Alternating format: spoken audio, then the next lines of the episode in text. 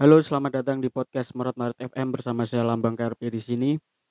Ini adalah sebuah konten spesial, episode spesial yang akan menampilkan atau memperdengarkan kepada Anda semua audio version only dari sebuah sesi diskusi karya pada event Dapur Bunyi kedua tahun 2019 atau lebih tepatnya sarasehan yang berisi pemaparan tentang konsep karya komposisi yang telah ditampilkan oleh empat orang komposer dari berbagai latar belakang, etnik, serta gaya komposisi yang berbeda.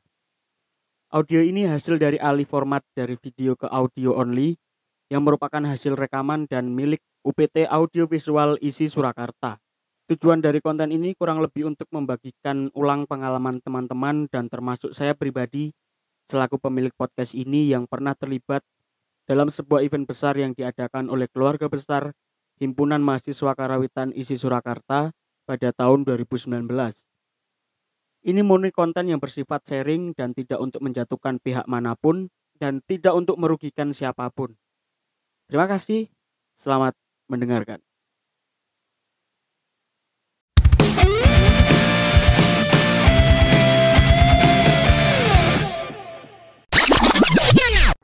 Morat Maret FM Season 4 Ya, kali ini uh, saya minta pendapatnya nih dari Ibu Penny Chandrarini tentang keempat uh, karya yang sudah dipaparkan pada siang hari ini.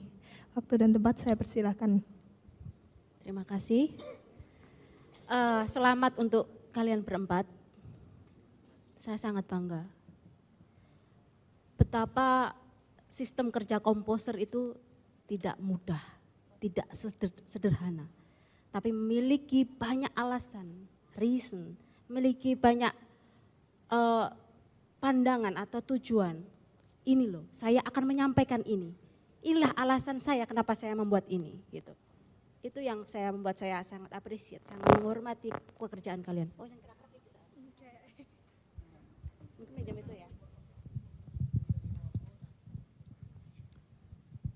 dari keempat karya ini, saya nggak akan mengoncai satu persatu.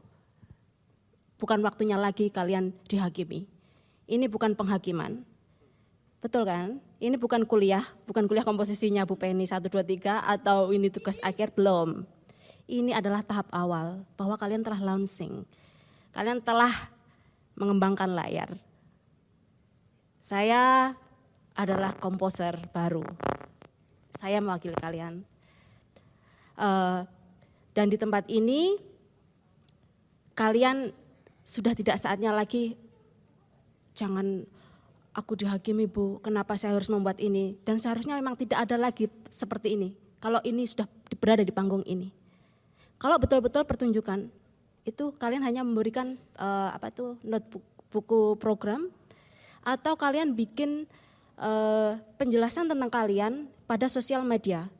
Ini adalah dunia milenial. Ini adalah dunia kini yang kita tidak bisa terlepas dari in, itu yang namanya Facebook, Twitter, YouTube atau semua sistem sosial media itu. Jadi tidak ada kalau ini betul-betul akan diteruskan uh, dapur bunyi maksud saya. Sebetulnya tidak perlu lagi kalian berada di sini untuk menyampaikan karena nanti akan ketakutan bagi kawan-kawan yang nggak mampu atau nggak ketakutan untuk menyampaikan eh karena karyaku aku nanti akan dihakimi oleh kawan-kawanku atau ditertawakan ketika aku berbicara. Itu bisa diakali dengan program note satu. Yang kedua kalian deklarasi di dalam sosial media kalian sebelum hari H ini beberapa hari sebelumnya saya ingin bikin karya sunyi apa tadi eleng, terus dok remak, gandrung, time atau wanci. Ini konsep karya saya. Seperti yang uh, beberapa kali yang saya lakukan di dalam pertunjukan saya, saya selalu memberikan contoh kepada kalian bahwa saya ketolkan sosial media saya untuk provokasi, untuk saya deklarasi, oke okay, tanggal sekian akan ada pertunjukan gelung untuk post festival, tanggal sekian akan ada pertunjukan ini. Jadi ketika karya ini sudah dilayarkan des di panggung ini, biarkan orang itu membawa imajinasi dari hasil uh, apa yang kita sampaikan dalam sosial media kita. Itu akan sangat mengena pada millennials, anak-anak muda dan juga para generasi yang lainnya dari muda hingga tua. Itu itu hanya untuk uh, koreksi untuk mungkin ke depan bisa dilakukan seperti itu dan juga bisa ada pembimbingan gitu sebelum masuk ke panggung ini. Betapa saya menghormati panggung ini, tadi saya bilang bahwa dulu yang mau masuk di panggung ini harus dikurasi betul. Selain itu yang mau tugas akhir ya. Tapi siapa yang ini um, keseniman apa ini kok tiba-tiba bisa masuk ke sini? Dulu kayak gitu. Tapi sekarang mungkin mungkin kita memberikan memang ini adalah tempat kita isi dengan energi positif seni dalam tanda kutip itu. Nah, untuk keempat karya ini tadi saya tidak akan menghakimi kalian bahwa eh, karya ini lahir dari latar belakang budaya yang kuat. Jangan kau minder wahai orang Madura. Jangan kau minder wahai orang Banyuwangi atau Jawa. Bahwa dengan kalian menampilkan karya yang dari background budaya yang cukup kuat ini, tidak ada seorang pun yang bisa membantah karyamu. Karena itu adalah kamu. Jangan jangan berusaha menjadi barat. Jadilah dirimu, udinan timurmu. Tampilkan di panggung ini dengan kebanggaan bahwa timur saya ini tidak ada seorang pun yang bisa membantahnya bahwa saya bangga menjadi Madura. Saya bangga Banyuwangi, saya bangga Jawa. Itu itu adalah kunci utama seorang komposer bagaimana karyanya bisa membuat orang standing applause, standing applause Standing ovation, wow, wow, atau semua orang bisa mengapresiasi, ya ini indah karena saya tidak mampu melakukan itu. Jika kalian melakukan karya-karya yang dengan akar timurmu yang kuat itu dan ditampilkan di panggung ini. Kecuali yen kowe, wah dari timur iki. Banyuwangi aku arep garap koyok barat-baratan dalam tanda kutip. Wah bikin opo sing sistem kerja barat. Kok mesti dihakimi ente-entean. Dari kacamata orang barat-barat itu. Maka dengan itu bungkam mata mereka untuk tidak mau berbicara ini tidak pas tapi ya ini adalah variasi bunyi dari berbagai macam penjuru dunia yang harus kita apresiasi, harus kita memang benar-benar angkat dan tidak ada lagi penghakiman. Setuju kan? Setuju yang lain? Setuju. Oke. Okay. Satu lagi, jangan kalian berkecil hati ketika tidak ada penonton. Tapi saya telah streaming. Lantangkan suaramu supaya dunia mendengarkanmu. Itu berkali-kali saya elukan di sosial media saya. Kenapa? Apa sih maksudnya Bu Penny? Lantangkan suaramu itu melalui sosial media itu. Walaupun di sini sekian ribu orang yang nonton, tapi di streaming itu miliaran orang yang menonton dan waktunya akan panjang. Ketika kamu nanti mati itu masih ada. Itu yang saya maksud. Jadi ketika tidak ada yang nonton di sini, kalian harus tetap maksimal. Menabuh, bernyanyi, menembang, berpuisi atau berapapun dalam seni pertunjukan itu harus betul-betul maksimal. Bukan untuk penonton yang ada di sini, tapi untuk hati kita. Karena seni itu untuk apa?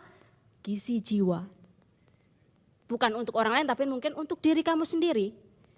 Ketika kamu jiwa kamu sudah mendapatkan gizi, otomatis orang yang mendengarkan musik kamu, orang yang melihat musik kamu mendapatkan gizi pula itu cara bodone. Jadi kalau saya sih satu orang yang nonton gak masalah. Tapi saya yakin gaung itu lantang dengung dari dapur bunyi ini akan tetap berkumandang hingga akhir zaman insya Allah. Itu. Yeay semangat,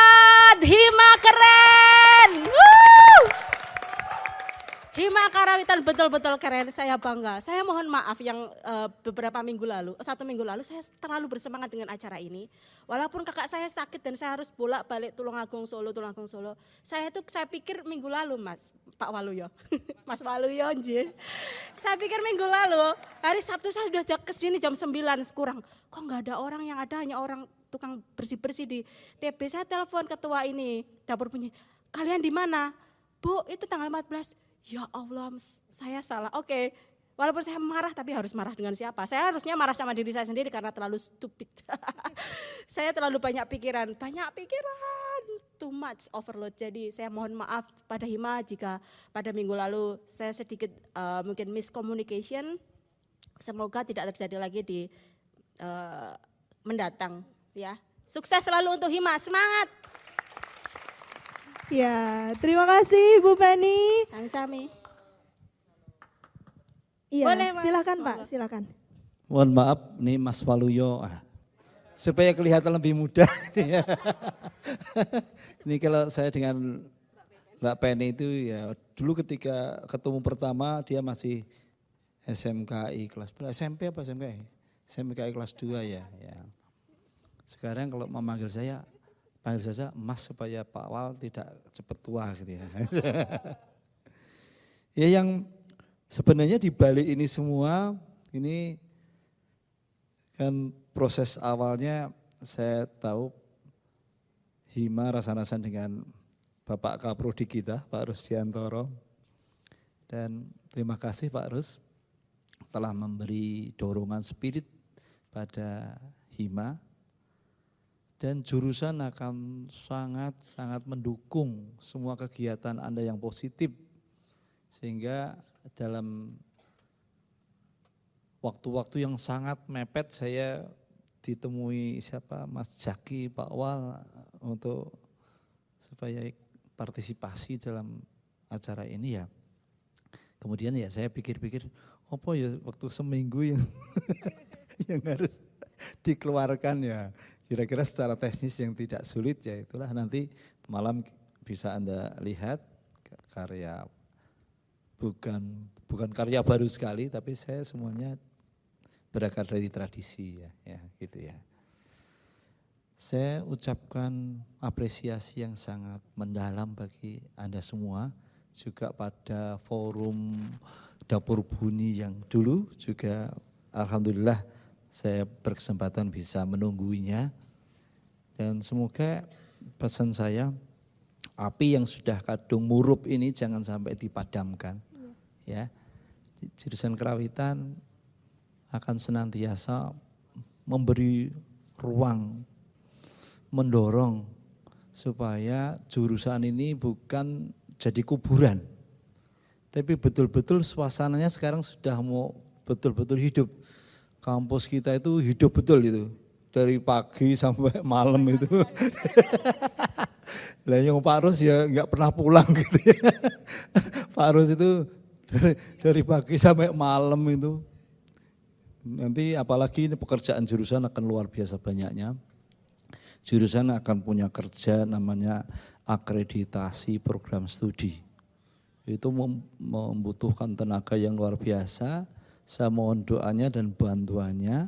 Semoga jurusan kita tetap mempunyai nilai akreditasi A gitu ya. ya. Itu harus kita dukung dengan semangat kita semuanya. Saya tahu saya tidak kapasitas saya itu sangat sangat rendah dalam kepemimpinan ya. Tapi berkat berkat bantuan dari kita semua, Anda, Pak Rusdiantoro, Pak dosen, Bapak dosen yang lain, kita akan maju bersama insya Allah gitu ya. Oke? Jadi jangan sampai ada di antara Anda yang momok dengan pembawaan. Jangan sampai saya akan betul-betul membantu itu supaya pembawaan itu jangan jadi momok, tapi betul-betul dinikmati gitu ya. Kita akan mengupayakan segala cara, yang penting substansinya, kualitasnya tetap, ya, tidak harus takut. Karena korban dari ini pembawaan itu banyak dulu, termasuk adik saya sendiri, gara-gara terlalu takut karena memang ditendeni itu ya, suasananya itu sangat anu, sehingga tinggal pembawaan saja itu ditinggal itu. E, perjuangan yang sudah berdarah-darah sampai 8, sem- 8 semester ya. Itu akhirnya ditinggal gara-gara satu mata kuliah pembawaan ini. ya saya tidak ingin itu terulang. Saya ingin mengupayakan Anda betul-betul menikmati pembawaan sebagai satu perjalanan yang harus dinikmati gitu nggih. Dan mas-mas ternyata punya potensi yang luar biasa. Ah, ini anaknya mas saya, mas eh, siapa jenenge Bodro. Bodro itu dulu bapaknya gawennya Gojek karo Pak Wal di Sono Mulia sana. Dia merasa hidup karena anaknya ada yang satu anaknya yang sekolah di kesenian. Ya. Alhamdulillah semoga ini betul-betul barokah untuk Mas Edi Brojo ya dan semua Anda ternyata jenengan niku yo luar biasa loh Mas Mas Lambang. Ya. Ya, ternyata ya. Ternyata kita salah ternyata salah, salah. Kalau menilai orang dari satu kelebatan itu biasanya salah. Ternyata Anda punya potensi-potensi yang itu harus di, di, di diaktualisasikan gitu ya. Oke. Maturun, tapi tidak lupa bahwa ini tidak bisa berjalan tanpa yang berperan di belakang layar di Jaki dan pasukan. ya Mas Jaya, ya Gutam, ya semuanya tidak bisa sebutkan satu persatu yang menyiapkan ini sampai betul-betul tidak kenal lelah itu semoga jadi amal soleh. Anda semuanya, amal soleh kita semuanya, jurusan kita berkah. Ya, jurusan kerawitan yang berkah untuk semuanya. Maturun, Bu Penny, Dik Penny ya, di lambang di, supaya saya lebih kelihatan muda gitu ya. Iya. Maturun, Assalamualaikum warahmatullahi wabarakatuh. Waalaikumsalam warahmatullahi wabarakatuh. Terima kasih Pak Wal. Ini foto bersama dulu atau sesi bersama. pertanyaan dulu? Oh, sesi pertanyaan dapat. Iya, sesi tanya, tanya jawab dulu nanti baru foto ya. Oke, saya akan membuka uh, sesi pertanyaan. Untuk teman-teman yang mau bertanya, saya akan ke tempat Anda. Silahkan. Siapa ayo? Ini teman-teman Anda masa nggak ada yang bertanya ini? Ada 10 orang? Yang mana?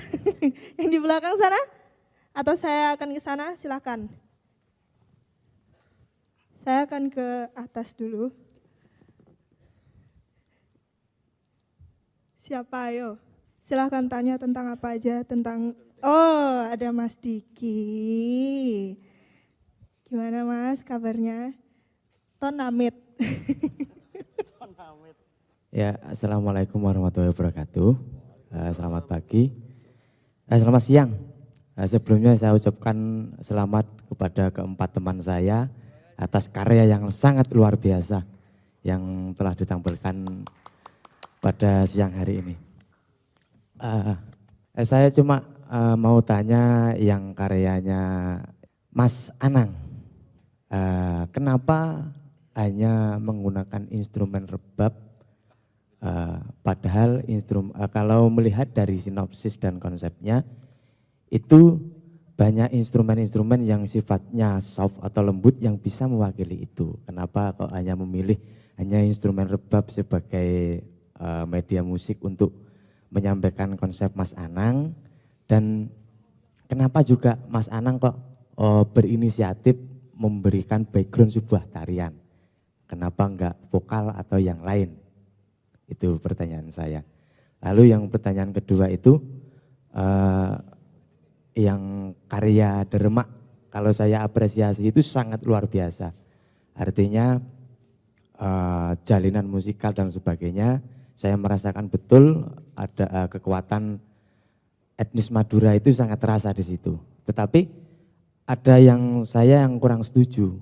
Yang kurang setuju itu Madura itu sangat terkenal dengan instrumen perkusi atau duk-duk. Lah, di situ kok malah dikasih kendang Jawa Timuran. Kalau saya merasa uh, apa itu? Duk-duknya itu malah hilang. Jadi uh, peran duk-duk yang kalau saya selama apresiasi itu sebagai pemimpin sebuah pertunjukan di situ malah hilang. Jadi peran duk-duk digantikan oleh instrumen kendang Jawa Timur. Itu. Itu Mbak. Oke, terima kasih Mas Diki. Kali ini langsung dijawab aja ya biar cepat gitu ya. Oke, yang pertama pertanyaan pertama ke Mas Anang dulu. Silahkan jawab dulu. Terima kasih Mas Diki Eh, saya akan menjawab pertanyaannya. Yang pertama, eh, kenapa dipilih instrumen rebab pada sajian tadi? Ya, itu selama ini saya bergelut di dunia karawitan Jawa dan saya pilih-pilih di sana ada instrumen yang berbeda. Itu instrumen rebab. Kenapa? Di sana itu rebab dalam dalam menyajikan bunyinya itu sangat luas, Mas. Tidak seperti instrumen yang lain. Instrumen yang lain itu ya ada yang luas, tapi menurut saya nada yang akan timbul itu sudah diciptakan. Seperti itu ya Mas, bisa ya? Nah, untuk yang kedua, kenapa tadi ada tarian?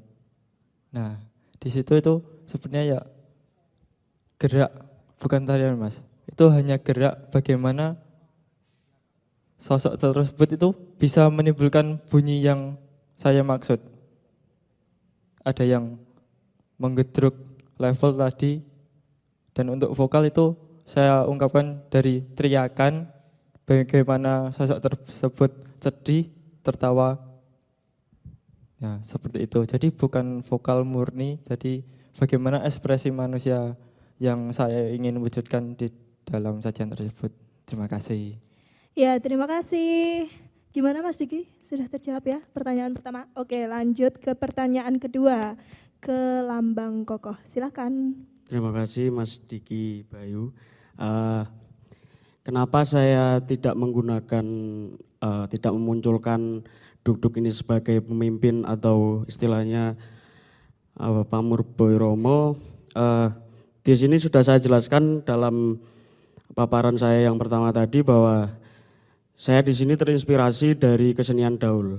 Sebenarnya kalau dilihat kesenian daul sendiri, hampir setiap saya melihat itu semuanya ikut berperan.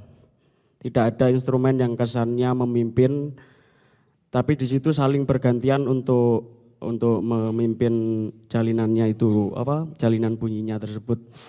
Uh, sebenarnya kenapa saya menggunakan kendang Jawa Timuran? Karena ketiadaan kendang setan atau kendang kendang Madura itu disebutnya kendang setan.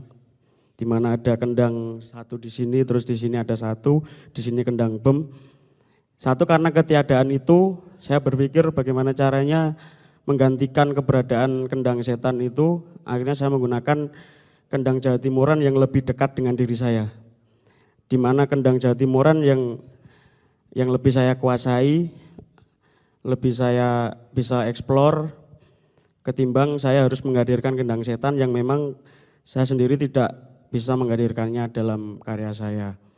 Uh, seperti itu. Terima kasih. Oke, terima kasih. Gimana Mas Diki? Ya, terima kasih. Beri tepuk tangannya dulu. Oke, pertanyaan terakhir ini. Ada yang bertanya, kan sebelah sini sudah, gantian sebelah sini. Ada yang ingin bertanya? Monggo silahkan. Ada yang ingin bertanya? Teman-teman, masa krik-krik ini, masa satu tok sing bertanya? Ini penyajinya empat loh. Mas Oke? Enggak. Di mana? Tok sudah? Ya, saya akan kembali. Mix saya bermasalah. Baik, uh, kali ini sesi diskusi saya akan tutup. Uh, kalau ada kurang dan salah kami mohon maaf. Akhirul kalam wassalamualaikum warahmatullahi wabarakatuh. Terima kasih teman-teman.